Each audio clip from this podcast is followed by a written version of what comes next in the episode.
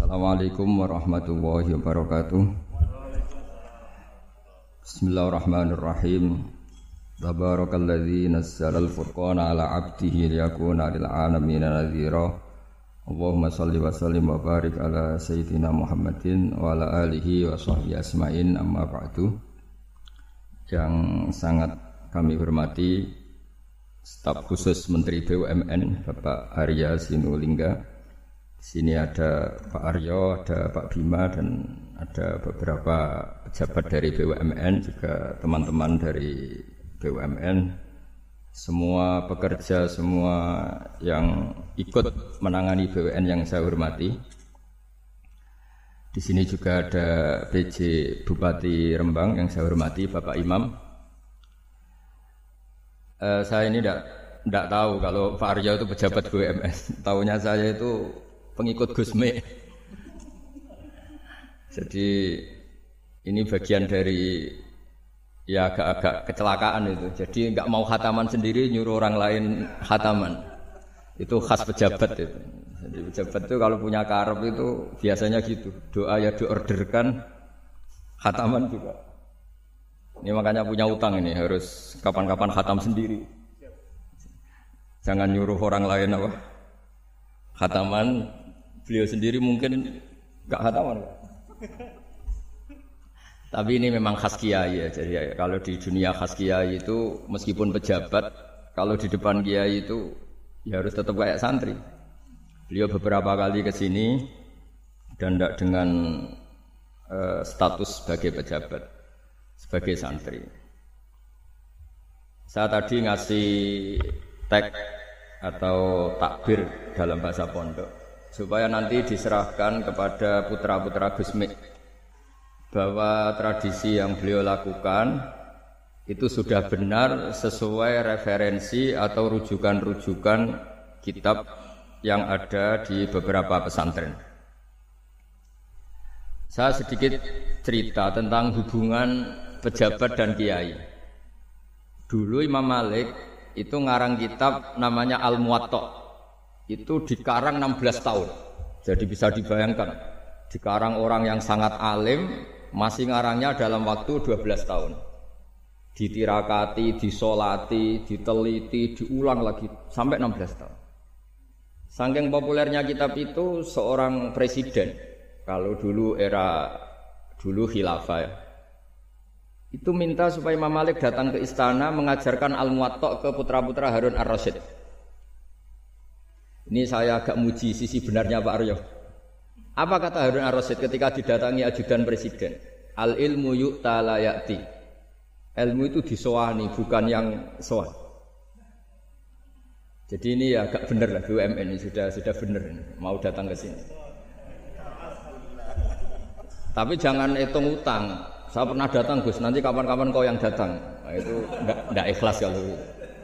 Itu ngawur sekali itu kalau kalau Singkat cerita Harun Rasid itu datang. Imam Malik itu orang yang sangat menghormati ilmu sehingga beliau duduk di atas, di sofa di atas. Karena Harun Rasid itu presiden, khalifah, beliau ngiranya itu dipersilahkan, dipersilahkan duduk setingkat Imam Malik. Akhirnya beliau duduk berdampingan dengan Imam Malik. Kata Imam Malik sebelum ngaji, di mana-mana orang ngaji itu harus sopan, nggak boleh orang ngaji setara dengan gurunya. Turun Imam Harun Rasid turun. Turun terus awal santri-santri. Baru Imam Malik mau mulai ngajar. Suatu saat Imam Malik itu datang ngurus KTP, datang ke istana. Kata Harun Rasid, kenapa engkau tidak minta supaya kami yang ngurus? Kata Imam Malik, e, saya kalau urusan negara itu rakyat, sehingga saya daftar ya antri. Tapi kalau urusan ilmu, kamu santri saya. Jadi orang dulu itu sudah profesional. Jadi kalau Harun Rasid pas ngaji sebagai santri, tapi kalau Imam Malik ngurus KTP ya sebagai rakyat. Ya antri, ya, ya beliau yang datang. Jadi itu sudah ada percontohan hubungan yang sangat elegan, yang sangat saling menghormati antara seorang Umaro, yaitu zaman itu Harun Ar-Rasyid dengan Imam Malik. Padahal kitab Muwatta itu kitab yang sangat luar biasa. Akhirnya suatu saat anak-anaknya Harun Rasid itu disuruh ngaji. Niku penggaweannya niku pekerjaannya itu suruh bawa kendinya Imam Malik kalau mau wudhu. Pernah suatu saat Imam Malik wudhu yang mengucurkan air itu putranya Harun ar-Rasyid. Hanya dikucurkan ketika basuh wajah dan tangan. Pas Harun Rasyid lewat, dinasihati juga. Halla ghusal takodamaihi. Harusnya kamu tidak hanya mengucurkan untuk wajahnya, juga untuk kakinya. Itu anak seorang presiden. Jadi betapa dulu itu harkat dan martabat ilmu itu sangat dihormati. Nah, kenapa demikian? Karena ilmu ini yang membentuk sebuah bangsa. Jadi kalau kita berpikir jernih ya.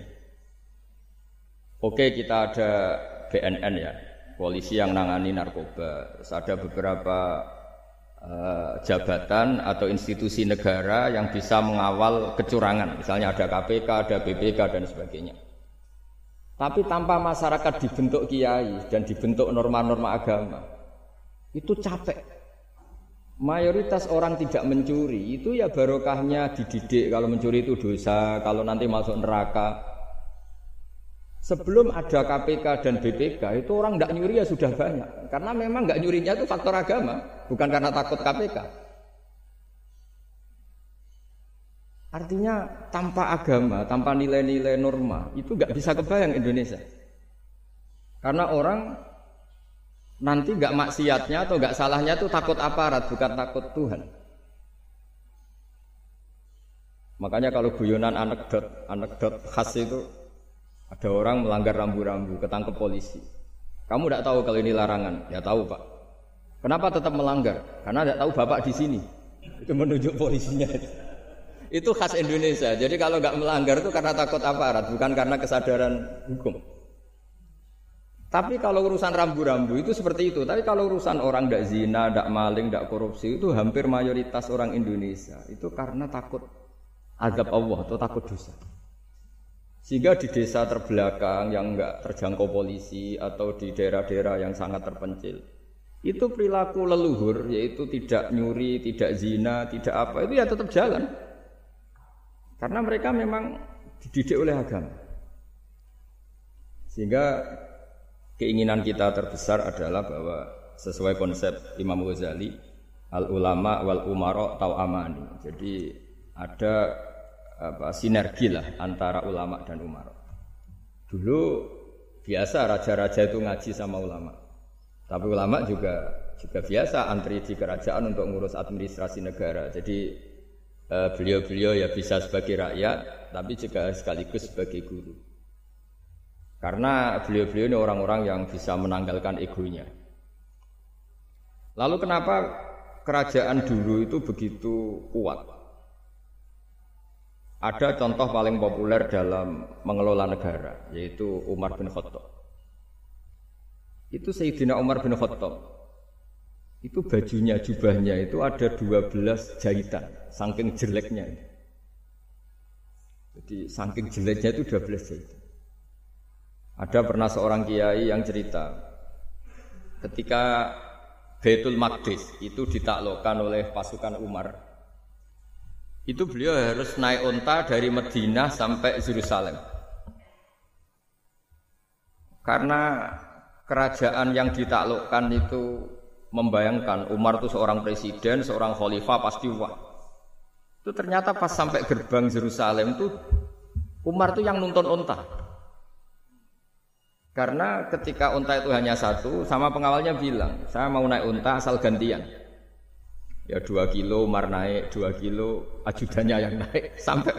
Lepas mau pintu gerbang itu pas giliran Umar yang nuntun. Kata ajudannya, kali ini jenengan yang naik saja. Enggak, saya enggak mau bohong. Jadi yang disambut ya ajudannya. Karena ajudannya pakaiannya lebih bagus dan Umar pakai tadi jubah yang berjahit 12. Jadi betapa orang-orang dulu itu ketika jabat itu malah malah tasawuf. Karena tadi dipandu oleh agama.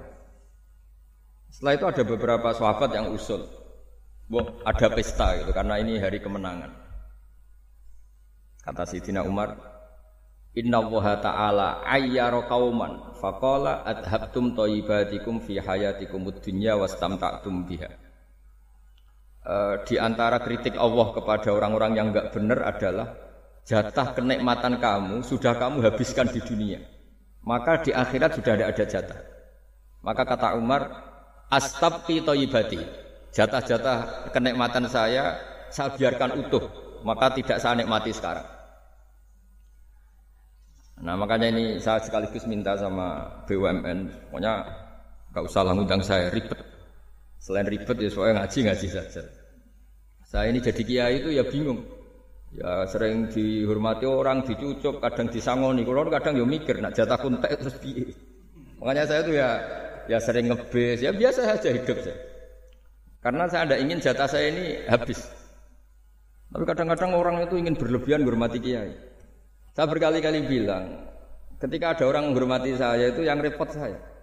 Yang menghormati benar karena menghormati kiai. Tapi kiainya yang masalah kan. Kalau tidak bisa ngelola hatinya jadi tamak, jadi Makanya ini kan ya sudah saya tetap sebagai kiai ngajarkan ikhlas. Makanya guyonan di kitab-kitab dulu kalau ada orang cantik sowan kiai itu kata kiainya saya yang bingung. Kamu melihat saya ibadah, saya melihat kamu masalah.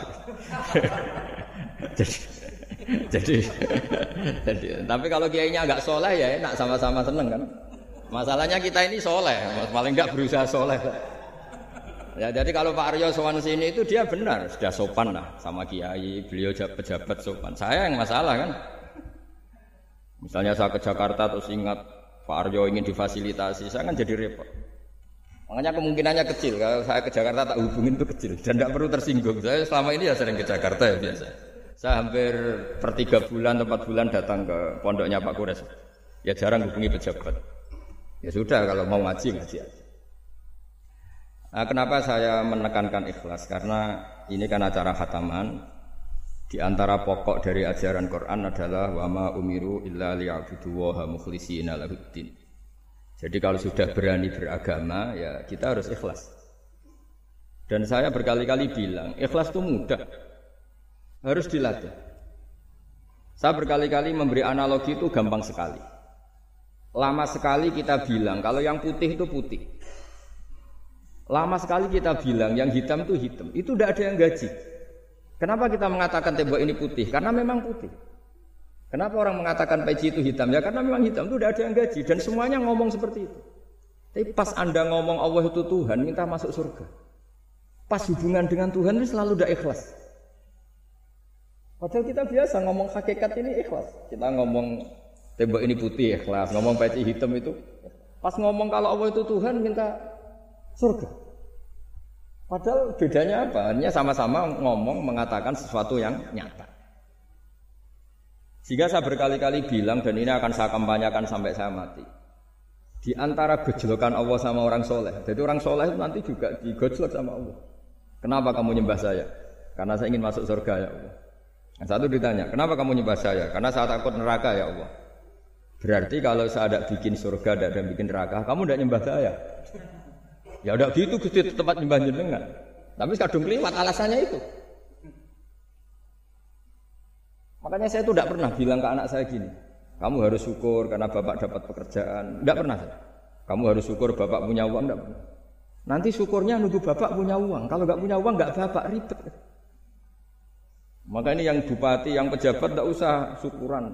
Syukuran bapak naik pangkat, bapak direktur BUMN. Nanti kalau tidak sudah pensiun sudah syukurnya hilang. Lah karena ini kan ngaji sama kiai ya, saya ajarkan khas kiai. Saya sampai sekarang ya tidak nikmati kebesaran nama saya atau apa, karena tadi memang harus dilatih. Kalau kita bisa mengatakan putih itu putih itu ikhlas tanpa tekanan, tanpa imbalan. Kenapa pas mengatakan Allah Tuhan harus minta surga? Padahal Allah itu tetap Tuhan meskipun tidak menciptakan surga dan neraka.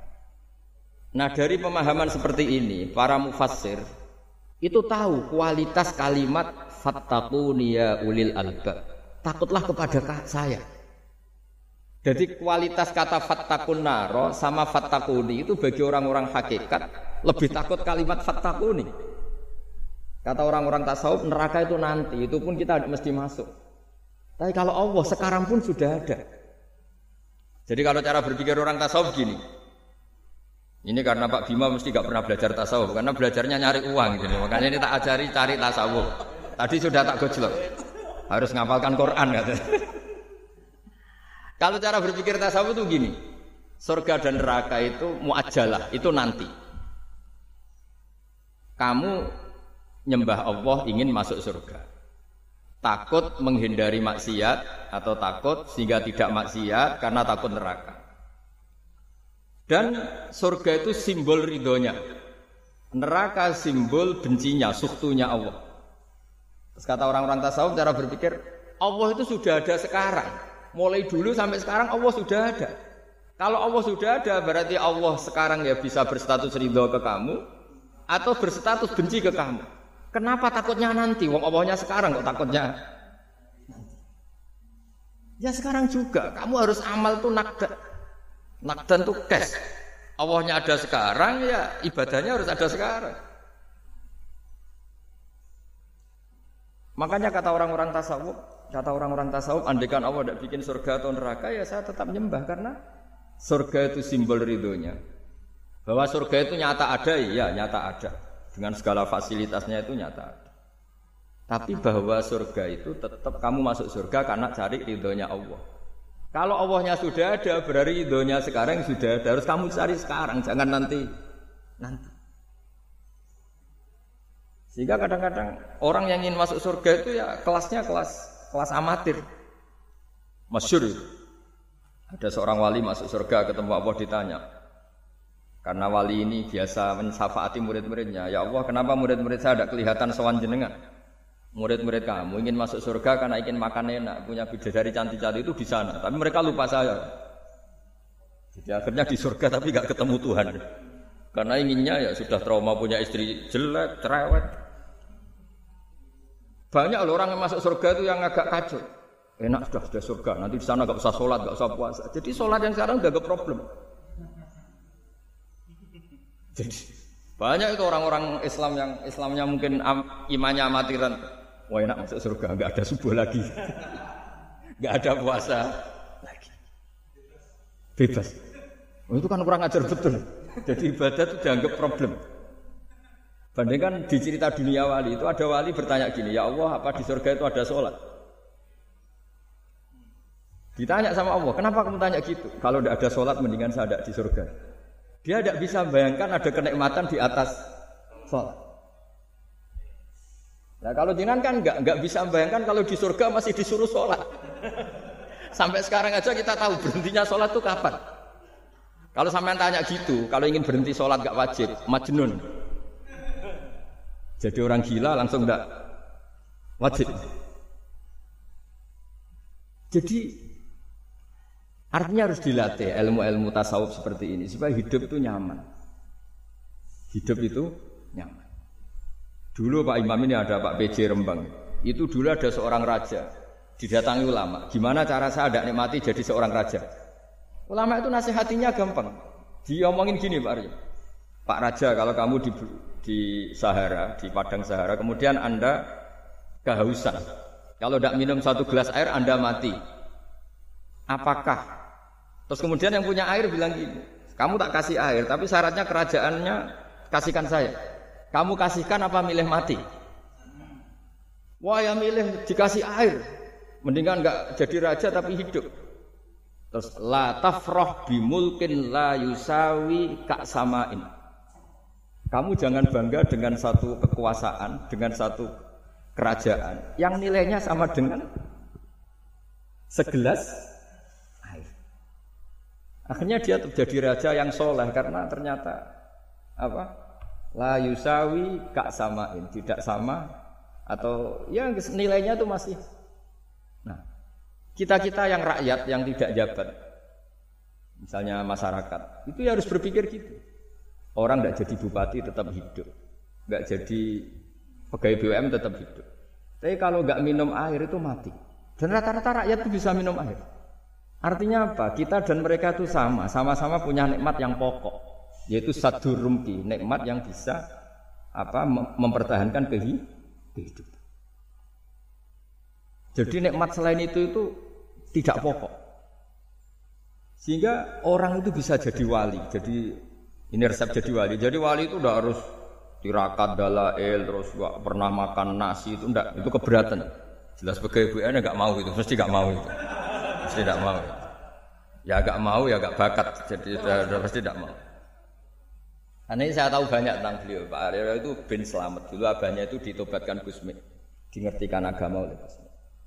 Karena beliau ingin tetap mencintai Kiai, itu korbannya saya. Karena Gusmi meninggal, terus mahabbahnya diarahkan ke saya. Tapi saya berdoa supaya diarahkan ke banyak kiai lah supaya saya tidak jadi objek sasaran ya. Nanti, nanti juga repot ini. Saya tuh sering disuani orang dari Kalimantan, Sulawesi, saya ingin idolakan jenengan, saya ingin dekat dengan jangan. Ya sudah lah pakai kiai lokal di sana aja. Jadi sampai tidak ganggu saya, terus kiai lokal di sana juga tidak mahjub oleh saya kata saya. Saya teruskan. Jadi dulu para raja itu dilatih oleh ulama, termasuk dilatih begitu. Kamu punya kamar seribu, kalau tidur per lima menit ganti kamar. Karena eman sudah dibikin kok nggak dipakai. Tidak juga, punya kamar seribu yang dipakai hanya satu. Ngapain punya seribu yang dipakai hanya punya baju satu lemari yang dipakai hanya satu. Apa mentang-mentang bajunya lima terus pakai rangkepan sampai lima. Punya mobil lima yang dipakai ya satu. Jadi orang dulu itu dilatih sebegitu. Sehingga dulu itu tidak ada raja kecuali punya penasehat. Zaman belum Islam ada resi, kalau setelah Islam ada ulama. Sehingga mereka bisa menertawakan kerajaan. Maksudnya dianggap biasa. Ada seorang raja ditanya ulama, khas seorang raja itu apa? Merintah tidak bisa diperintah. Terus si ulama ini tiap pagi itu datang ke atas gunung, pakai, cari tempat paling tinggi terus mutolaah kitab. Setelah mutolaah kitab ya wasik ya, kayak saya kalau belajar ya asik ngalang-ngalain jagungan sama pegawai BUMN kalau saya sudah belajar. Terus dia bilang, enaknya apa jadi raja? Saya di sini nggak ada yang memerintahkan saya, berarti saya dengan raja sama. Dan kelebihan saya juga tidak ada yang ganggu. Kalau raja masih banyak yang ganggu. Artinya bisa mengolah. Kalau sekarang enggak. Banyak kiai yang melihat pejabat itu kayak gimana? Woi, wong kok mulyane ngono. Buka pintu aja enggak pernah. Mulyane kayak gitu. Yang jenis ini dia rugi, sudah iri, nggak punya kenikmatan sendiri. Ulama dulu itu bisa mengelola kenikmatannya sendiri dengan cara seperti itu. Makanya masyur Sayyidina Ali itu kalau malam itu di antara sebab beliau tambah dekat sama Allah. Itu di antara wiridannya itu bukan bukan kayak wiridan kita itu enggak. Wiridannya begini. Ya Allah, Kafani izzan antakuna li robban wa kafani fakhron an aku nalaka abdan. Saya sebagai manusia ini sudah sempurna, punya Tuhan engkau. Tuhan yang maha dahsyat, maha top. Kayak apa nyesalnya saya kalau punya Tuhan hanya sebuah batu, hanya pahatan batu. Atau Tuhan yang mati, atau Tuhan yang kelaparan. Wa kafani fakhron an aku nalaka abdan. Dan saya ini bangga karena jadi hambamu. Jadi orang dulu itu nyembah Allah itu tidak harus dengan kalimat subhanallah akbar. Tapi punya kesimpulan yang menjadikan mereka ini nyaman dengan Allah. Abu Yazid Al Bustami itu diangkat jadi wali setinggi tingginya itu di antaranya kalau wiridan bilang gini, ya Allah kenapa engkau ngasih makan saya ini aneh, kenapa engkau minum, ngasih minum saya itu aneh. Di mana-mana orang memberi itu ada kepentingannya, misalnya majikan bayari karyawan karena ada kepentingannya. Malah kalau di fikih itu agak absurd. Fikih itu hubungan suami istri itu agak agak kacau kalau dalam fikih. Lelaki itu tidak wajib nafkah istrinya kalau tidak ngasih. Jadi kayak agak-agak transaksi. Dan istrinya punya hak nggak mau diajak kalau kalau nggak dikasih nafkah. Jadi makanya dulu Mbah Mun kalau ngajar saya fikih itu ngajari wong perhitungan. Jadi maksudnya mau ngambil bojo kok perhitungan. Tapi di mana-mana hubungannya orang itu begitu. Wong kenal kiai, nak orang meloro kiai diatur ini ki orang marem. Singkat cerita Bu Yazid itu tuh, ya Allah engkau dat yang luar biasa, engkau tidak butuh saya tapi ngasih saya. Ini fenomena aneh.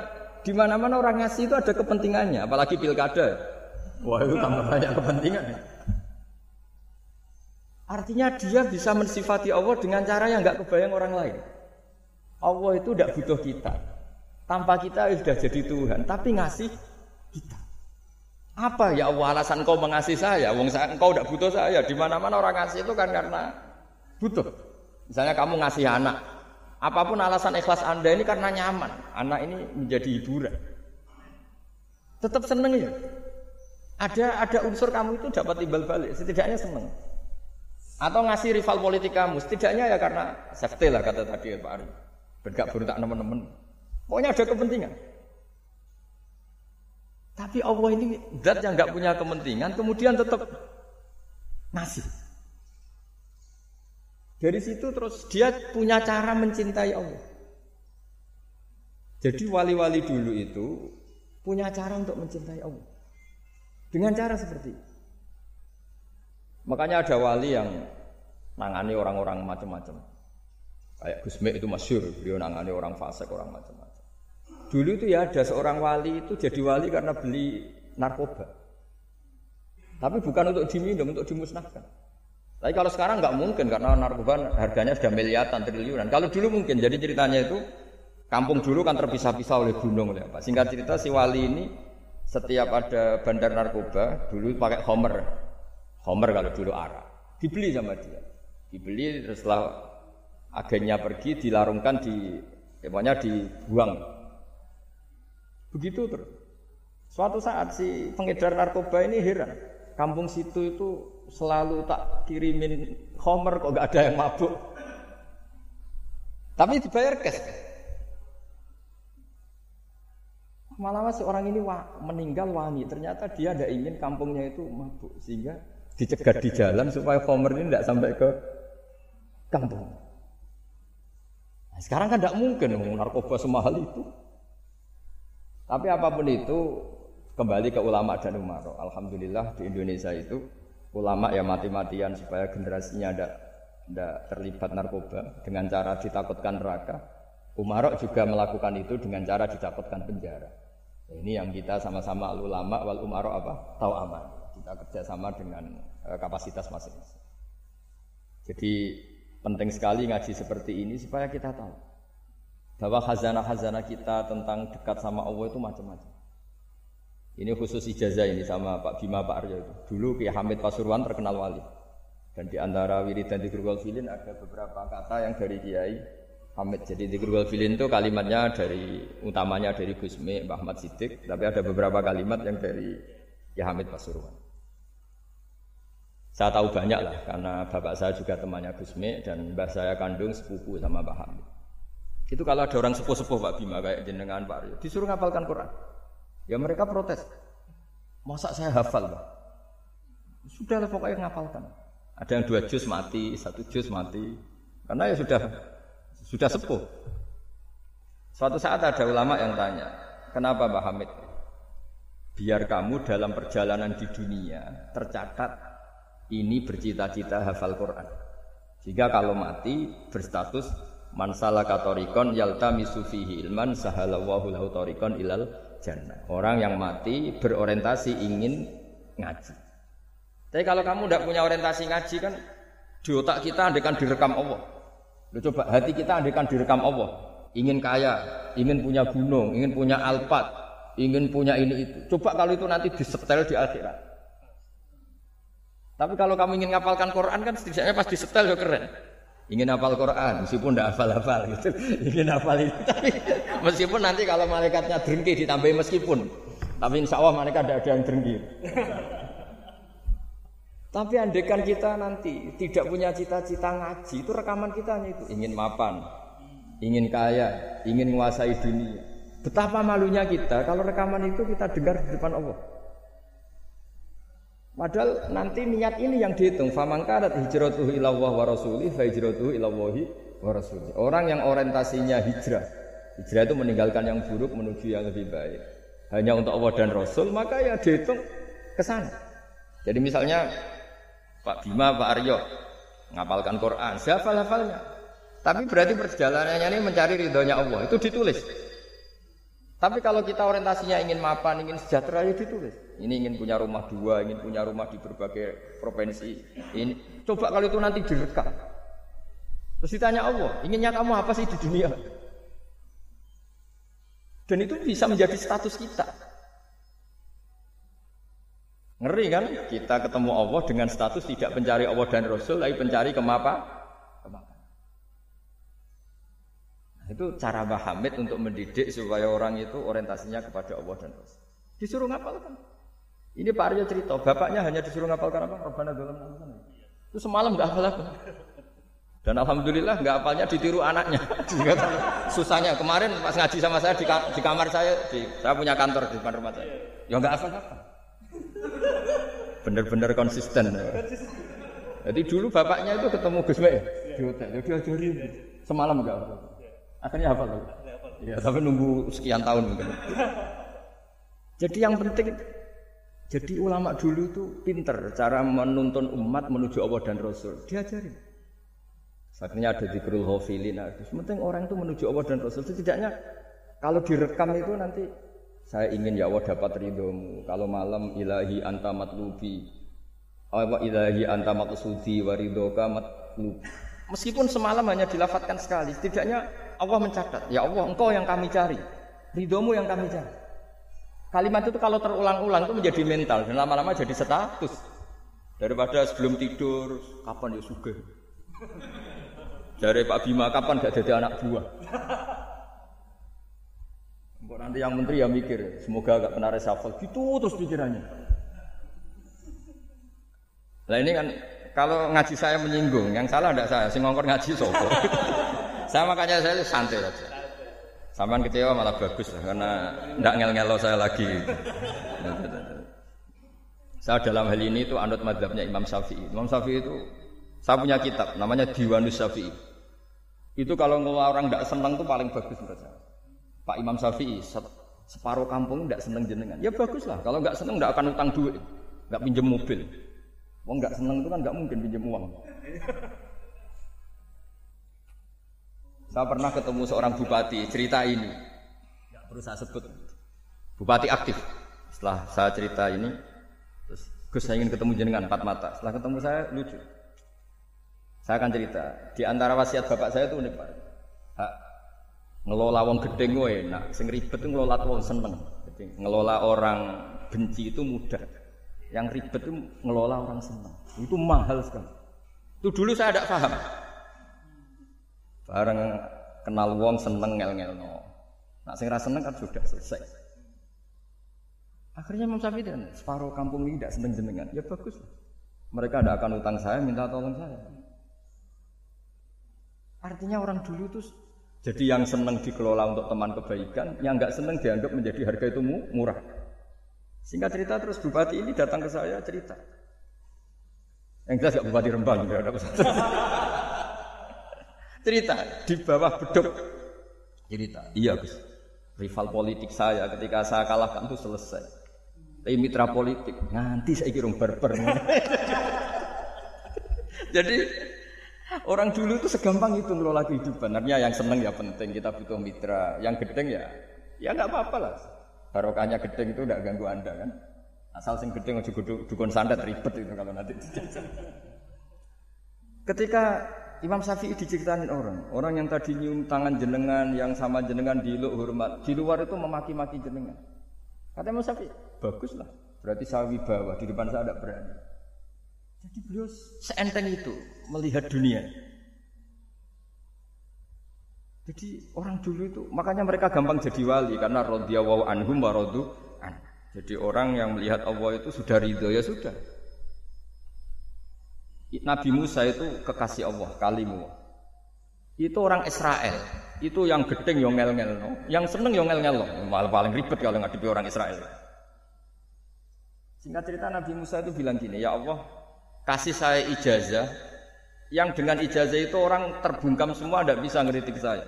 Tidak bisa mencibir saya, tidak bisa ngata-ngatain saya.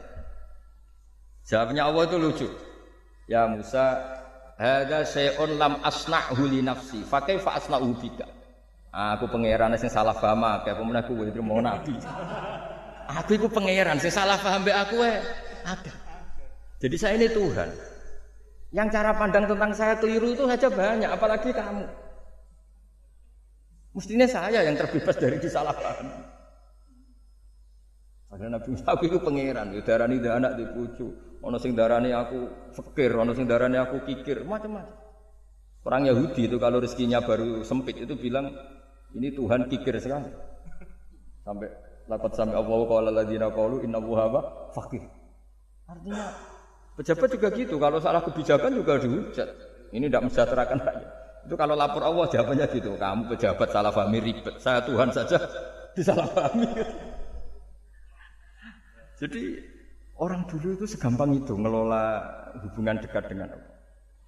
Jadi pakai rasa.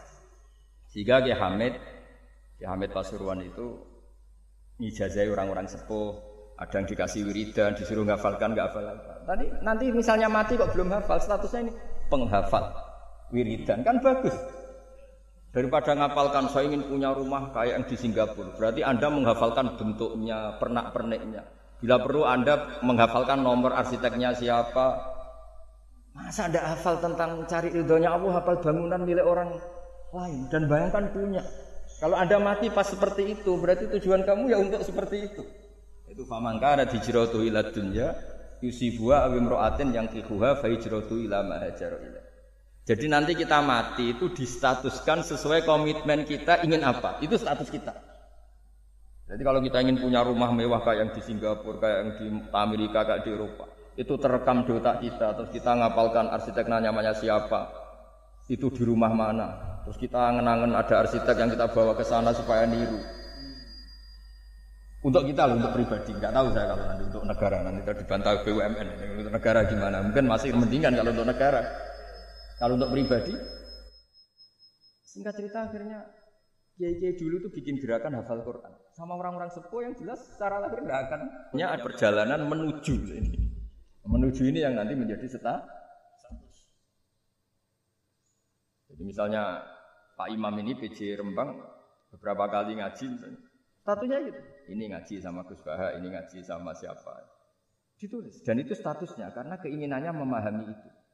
Ya dunia sampai lewat saja. Tapi kalau kebalikannya, urusan dunia detail, arsiteknya siapa, bangunan gini habis berapa, kalau kurus rupiah berapa? Untuk pribadi. Itu detail. Pas urusan ngaji sekenanya. Kadang sampai punya guru harian sesat apa nggak tahu karena pas urusan akhirat sekenanya. Akhirnya sedepat, sedapatnya. Ternyata ada guru, ada kiai tapi dukun. Saking sekenanya urusan akhirat, tapi kalau urusan dunia det. Makanya banyak orang ditipu oknum ya. Oknum yang sebenarnya nggak kiai tapi ngaku kiai, sebenarnya dukun. Itu saya kadang ya seneng. Senangnya itu betapa mereka diingatkan. Urusan dunia nggak pernah ketipu, urusan akhirat ketipu. Jadi apa? Urusan dunia detail, urusan akhirat nggak detail. Sampai dukun bermacak kiai saja sudah bisa nipu. Sementara kontraktor asing yang mau nipu tidak bisa karena dia ngerti detail. Jejak rekamnya apa gitu. Tapi kalau nyari kiai se kenanya. Ini tidak nyindir ngomong fakta. Cobalah ah, itu di apa diangan-angan lagi. Terus ini yang terakhir eh, ini khusus pada teman-teman saudara-saudara kita yang nangani eh, khatamannya Gusme. Saya tadi ngasih naskah ke Pak Aryo supaya sampai ke beliau-beliau. Saya yakin beliau-beliau sudah punya, tapi supaya ini tambah mantap bahwa kita saling menguatkan. Ini saya baca ya. Ini ini kitab yang dipakai referensi tim lajnah penerbitan mushaf Arab Saudi dan seluruh dunia, termasuk saya. Jadi tradisi hataman kita, tadi kan kita bicara hataman. Ya saya ulang lagi, tradisi hataman kita itu kan justru ditutup dengan wa ulaika humul muflihun. Ya. Jadi tidak minal jinnati wan nas tapi diakhiri wa ulaika humul muflihun. Jadi hataman kita misalnya minal jinnati wan nas biasanya yang baca Quran terus baca Fatihah terus awal Baqarah sampai wa ulaika humul muflihun. Nah, tujuannya adalah supaya kalau apa itu khatam itu memulai lagi Ya, kalau langsung Anas minal jinnati wan nas berarti dia bangga dengan berakhirnya baca Quran. Pertanyaannya, dengan Anda ketemu Allah, seneng ya jagungan mau aku sebar. Betapa buruknya kita jadi hamba. Kayak kita dulu ketika ngaji. Nah baru hure ngajinya wis bar. Berarti nganggep guru problem. Makanya bangsa Indonesia itu ya agak lambat pinter karena sekolah juga ada agak problem. Pas masuk merengut, waduh sekolah. Pas bubar seneng, waduh sekolah. Jangan-jangan kita sholat juga gitu, ono azan, waduh azan. Jadi ini belum makam wakuroto ini sholat. Padahal ciri orang baik itu menikmati sholat itu. Ciri utama suka ilmu ya menikmati pelajaran enggak ini pelajaran bareng guru. Waduh, udah gitu matematika lagi. Waduh. nah, kita baca Quran harusnya asik. Karena di situ munajat sama Allah. Ketika selesai harusnya nyesal. Waduh, baru asik sama Allah kok sudah selesai. Dan Allah punya alasan untuk menyalahkan kita. Karena kita misalnya baru seneng-senengnya pacaran misalnya. Kan tidak mau akhir. Kenapa pas seneng Allah seneng berakhir? Nanti kalau kamu ditanyakan gitu tidak bisa jawab. Nah, pakai analogi itu makanya jangan pernah merasa akhir kalau baca Quran. Minal jinnati wan nas, terus baca Fatihah, terus memulai lagi. Maulaika humul muflihun. Sebagai bukti ya Allah, ini khataman sementara. Tapi saya akan berlanjut lagi. Terus dimulai betul. Jika ijazah kiai-kiai kuno kalau orang haji atau umroh itu supaya kuat haji lagi. Kalau ijazah kiai kuno itu sederhana. Disuruh ngomong gini, bah Ka'bah, ini saya mau pulang, miliki rumah. Nanti ke sini lagi, gaya gitu. Sudah pak. Jangan setelah selesai ibadah haji semeneng karena mau pulang. Berarti ibadah dianggap problem, rumah dianggap segala-galanya. Jadi itu ada filosofinya. Nah, ternyata tradisi seperti itu itu mudawan. Mudawan itu dibukukan. Ya saya baca ini di kitab Ghoisun Naf'i eh, karangan Imam Waliwah As-Sofakusi. Saya baca saja. Nanti yang ngerti bahasa Arab biar diartikan sendiri, yang nggak ngerti nanti saya bantu. Takmilun. Nah, ini khusus para hafid tadi yang ikut khataman, mohon didengarkan. Takmilun. Fi masaila tata'allaku bil khotmi. Al ula sabatan nasu anil maki minirawatil bazi wa kumpul wa ghairihima annaman qara'a wa khotama ila akhirin nas qara'a al fatihata ilal muflihun min awalil baqarah wasa al amalu bihada fi sairi biladil muslimin jadi mulai dulu kalau orang khataman itu ya Anas, Fatihah, terus wa ulaika humul muflihun. Dan cara seperti itu wasa al amalu bihada visa iri biladil muslimin. Semua negara dunia ya sama seperti itu. Hanya tradisi yang dilakukan bapak saya sampai semua guru-guru kita guru Quran termasuk yang di Jantiko dulu sama si dulu namanya Jantiko lama-lama mantap ya. Itu sudah benar itu. Jadi mungkin teman-teman sudah melakukan tapi nggak tahu filosofinya. Ini saya bantu. Filosofinya adalah supaya kita tidak merasa mengakhiri baca Quran, tapi sekaligus memulai. Kalau nak kue niat ngakhiri tenan itu seakan-akan kan baca Quran itu problem. Terus ketika berakhir kita senang. Sholat juga gitu Pak Imam. Yang menjadikan umatnya Rasulullah Shallallahu Alaihi Wasallam dijamin surga itu di antaranya cara sholat begini Pak Arya. Saya hafal hadisnya. Abshiru ya maksarul muslimin. Ini kata Rasulullah. Hari ini Jibril muncul dan memberi satu pengumuman yang sangat menggembirakan. Apa itu?